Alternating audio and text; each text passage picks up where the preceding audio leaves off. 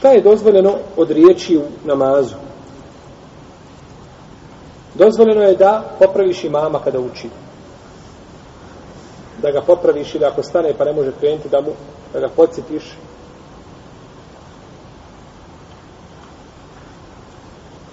došlo je u hadisu Abdullah ibn Amra ili Abdullah ibn Omara Allahu anhuma da je poslanik sallallahu sallam klanjao i učio pa se je zbunio učeći. Pa kada su krenuli kad završili namaz pitao be jesi ti bio u namazu? Kaže jesam. Kaže što te je spriječilo? Što te je spriječilo da da mi pomogneš?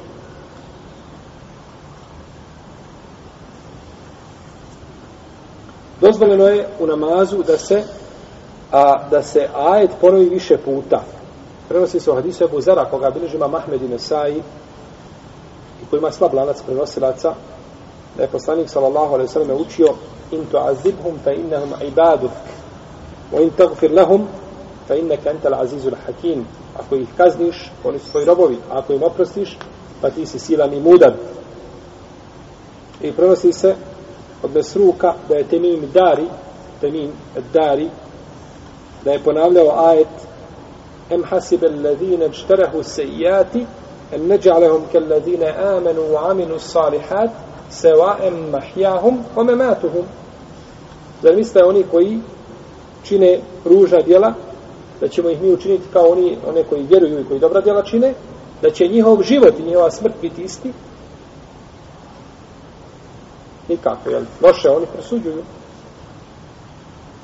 I prenosi se od Saida ibn Džubeira da je klanjao u Ramazanu pa je ponavljao idil aglalu fi anaqihim idil aglalu fi anaqihim i kada okovi budu na vratovima njihovim i da je ponavljaju ja i da je ponavljao ja ejuhan insanu ma garrake bi rabbike al kerim alladhi khalaqake fasawake fa adalek šta te obmanulo čovječe kada je u pitanju tvoj gospodar plemeniti koji te je stvorio i učinio te da uspravnim, da uspravno hodaš. Da je ponavljao po dva ili tri puta taj ajet. No, međutim, ovo nije prenešeno da je rađeno u farzu. Pa je preče da se to šta ne čini na farzu. Da se plače u namazu, znaš ako čovjek ili ako je iz strahopoštovanja iz skrušenosti i ako se prisjeti od dženneta ili džehennema pa zaplače to je plakanje koje ne kvari šta namaz ili da je čovjek u velikoj žalosti pa se ne može strpiti. Čovjek na primjer preselilo dijete i stao da klanja akšam namaz i seti se i počne plakati. Znači ne može strpiti. To ne kvari namaz. To mu ne kvari namaz.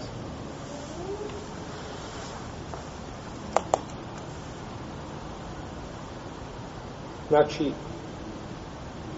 da plače iz bogobojaznosti ili iz velike tuge neće smijeti. Može li biti velika žalost? Velika sreća razlog u plakanju? Može, ali čovjek se oženi nakon godina, dođe u namaz, počne plakati o sreći. Uglavnom, ono što, na čemu se čovjek ne može strpiti, Dobro, da li je osjećalo žalost, nećemo ulaziti u to. Ali uglavnom plaće. A mi ne znamo šta je šta. Ne znamo njegov nijet. U svakom slučaju, ako se ne može strpiti, onda je ne kvari namaz. A ako se može strpiti, čak nije, ne treba čovjek, ako se može strpiti, a, da plaće iz straha poštovanja, bolje mu je da ne plaće. Bolje mu je šta da ne plaće. Ja sam, vallahi, slušao ljude koji plaću u namazu, tačno ko one narikače što plaću kada neko umre, kad se izdajme narikače, kada izdajme se plati im se dnevnica, i ona nariče tamo ovaj, njih tri, četiri, ono, zajednički ili kolektivno nariču, tako i ljudi plaću namazu. Pa to nije bio sunet poslanika, sam sam, niti ashaba, niti tabina, niti tako radi. Idu, idu, idu Musejibu kada su kazali da ima ljudi kako plaću i padaju u nesvijestu namazu. Kaže, kakav je to namaz? Poslanik sam nikada nije pao u nesvijestu, niti ashabi. Kaže, ako je kaže tako iskren, dovedite mi ga, kaže, da ga postavim na jedan zid. Pa ću mu ja učiti Kur'an, kaže, pa nek se iznesvijesti. Ako je iskren, kaže, neka se unesvijesti na zidu gore. Neka padne, jel? Pa da, da vidite kako nije iskren. Znači, kaže, to nije iskrenost. Da čovjek ruši, ashabi nisu padali, ko je bio od iskušenja, a nisu padali u nesvjesno namazu. Tako da je to preterivanje sigurno. Uzvišen je Allah te barak tala kaže i da tutla alihim ajatu rahman harru suđeden vobukija kada im se uče ajeti milostivog oni padaju na seždu u plaču i kaže uzvišeni jahirrune, lelevkani jebkune u jeziduhum hušua i oni na tle padaju iz strahu poštovanja plačući a, i Allah im povećava njihovo strahu poštovanja kaže Abdullah ibn Šafir poznati Asab, on je otac Tarifa ibn Šafira poznatog tabijina. Došao sam kaže kod poslanika sallallahu alaihi sallam dok je klanjao a kaže u njegovim prsima ezizun ke ezizil mirđel a njegovim prsima ima eziz a, a kuhanje kao voda kada kuha u loncu. Posljedi kada kuha kako kuha čuje se onaj glav. E tako u njega ali u prsima nije šta napolje znači da izlazi. I tako se prenosi od Omara da su klanjali za Omara da to čuli. Da su čuli. U prsima njegovim kao da ključa. A međutim, nije glas izlazio šta napolje. Kaže Alija radijallahu anhu, kad smo bili prije uoči bitke na Bedru, nije među nama bio konjanik osim samo Mikdad. I kaže, svi smo spavali osim poslanika, sa osrme stojao je ispod drveta, plakao je i klanjao do zore. I od Ibn Omara se prenosi kada je poslanik sa osrme bio na smrtoj postavi, da je rekao, ono, naredite Ebu Bekru da klanja Pa je kazala Aisha radijallahu ta'ala, o Allahu poslanik, Ebu Bekru je, kaže, čovjek koji je lahkog srca, lahko zaplače u namazu, odmah će plakati. Neka to Omer, kaže, naredite Ebu Bekru da klanja. Pa opet on Allahu poslaniće, kaže, pa rekao sam vam, kaže, Ebu Bekr da klanja, kaže, im nekunne savahibu Jusuf. Kaže, vi ste kao one žene oko Jusufa, što ste tabla. Ja vam govorim ko će klanjati. Ja znam kakav je Ebu Bekr, neka klanja on. I pored toga što je bio šta? Onaj koji lahko plaće mehkog srca, naredio je šta? Da on predvodi namaz, jeste, da on predvodi namaz.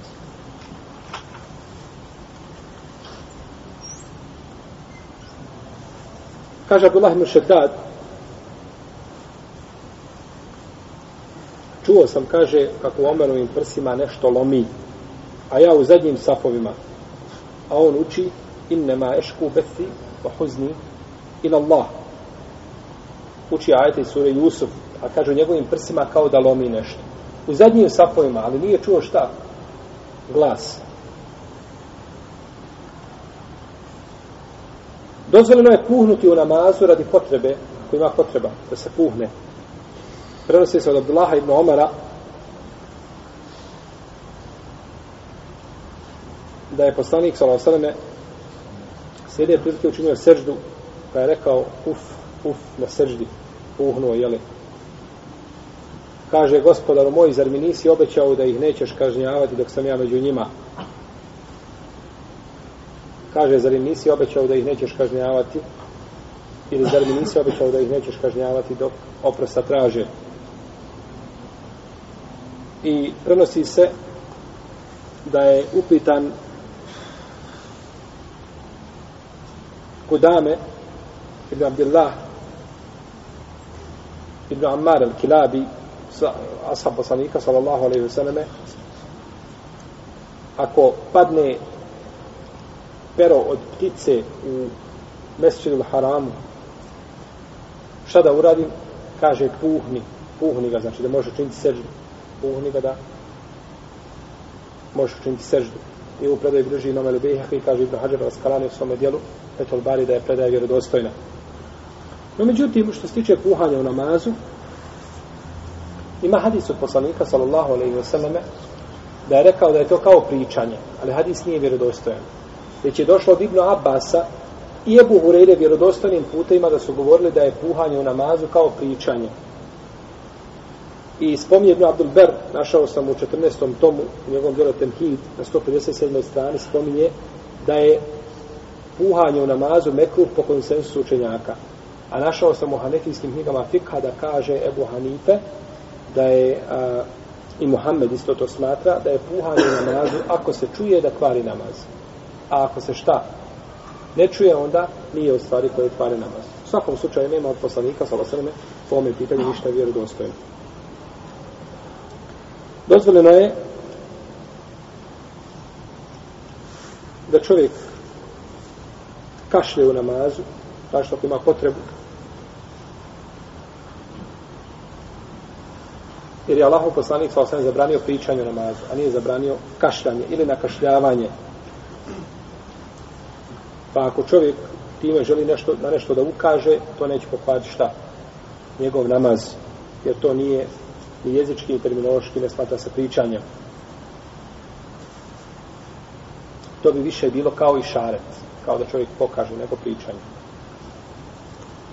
Da čovjek kratko progovori nešto u čemu je korist za klanjače i namaz. S tim da ne smije govor biti dug i velik.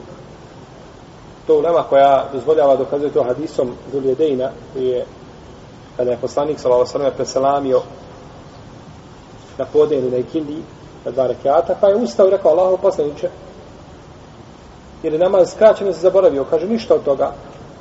Pa je pitao poslanik s.a.v. drugih, je li tako kao što kaže Zuli Den, kažu jeste, pa je ustao, pa klanjao, pa je naklanjao, je li još, je li dodao još dva rekata i učinio seždu kada?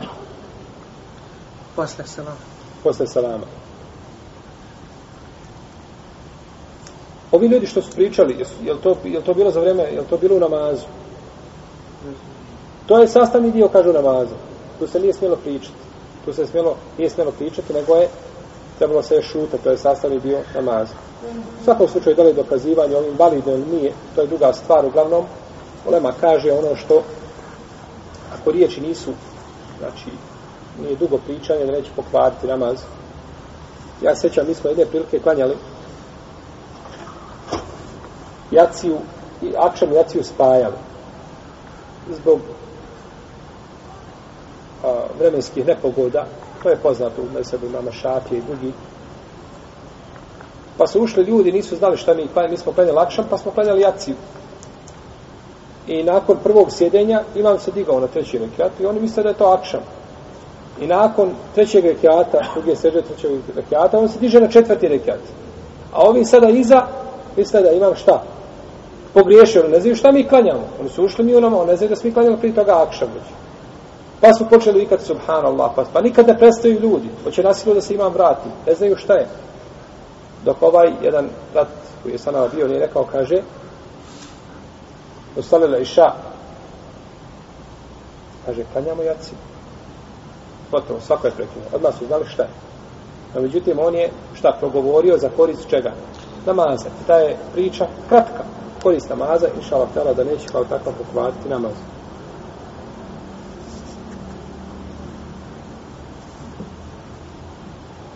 I došao u hadisu da je Muavije ili Hakema, kaže da sam bio u namazu, jedan je čovjek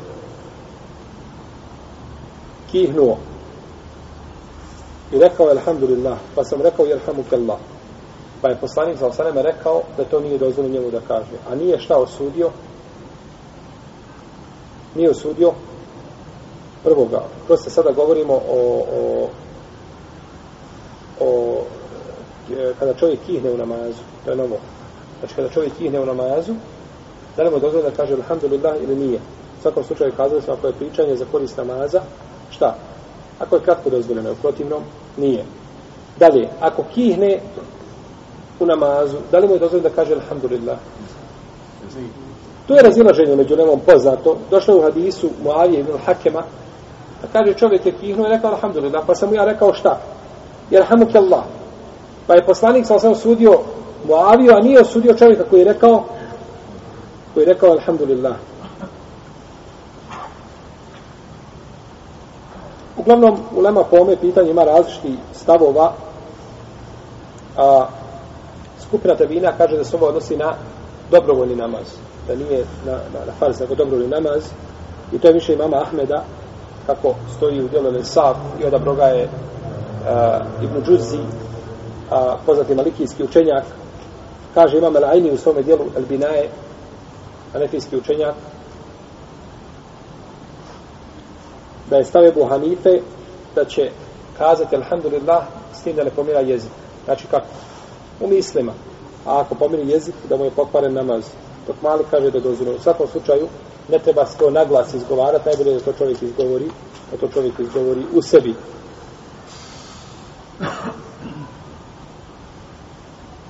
U svakom slučaju to bi bile neke osnovne znači, stvari koje je dozvoljeno činiti u namazu,